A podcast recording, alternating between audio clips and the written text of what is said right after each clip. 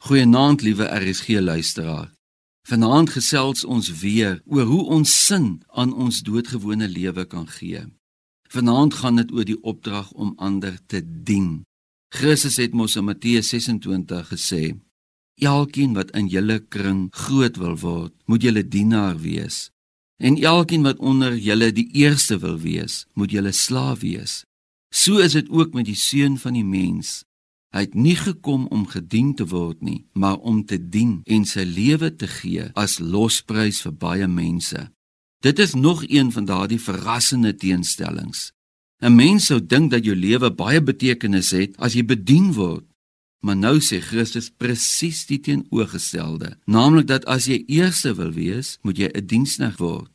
'n Mens hoef ook nie ver weg te gaan om diensbaar te word nie.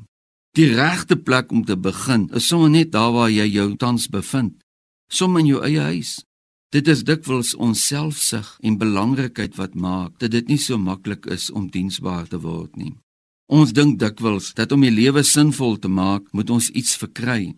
Daar moet toegevoegde waarde wees en ek moet daarbey baat. Maar die lewe kry betekenis nie wanneer ons iets ontvang nie, maar juis wanneer ons iets weggee en wanneer ons van onsself weggee.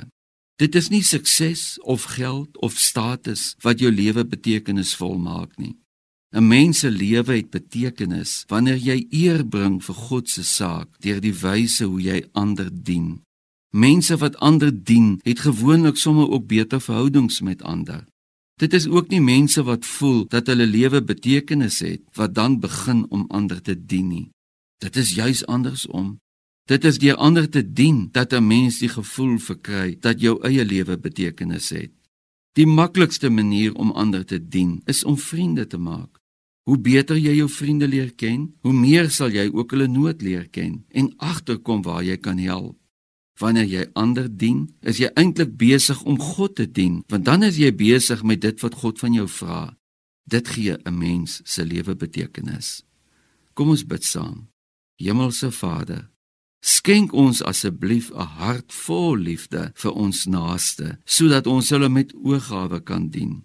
Dankie vir die voorbeeld van Christus wat vir ons kom wys het wat dit beteken om diensknegt te wees. Amen.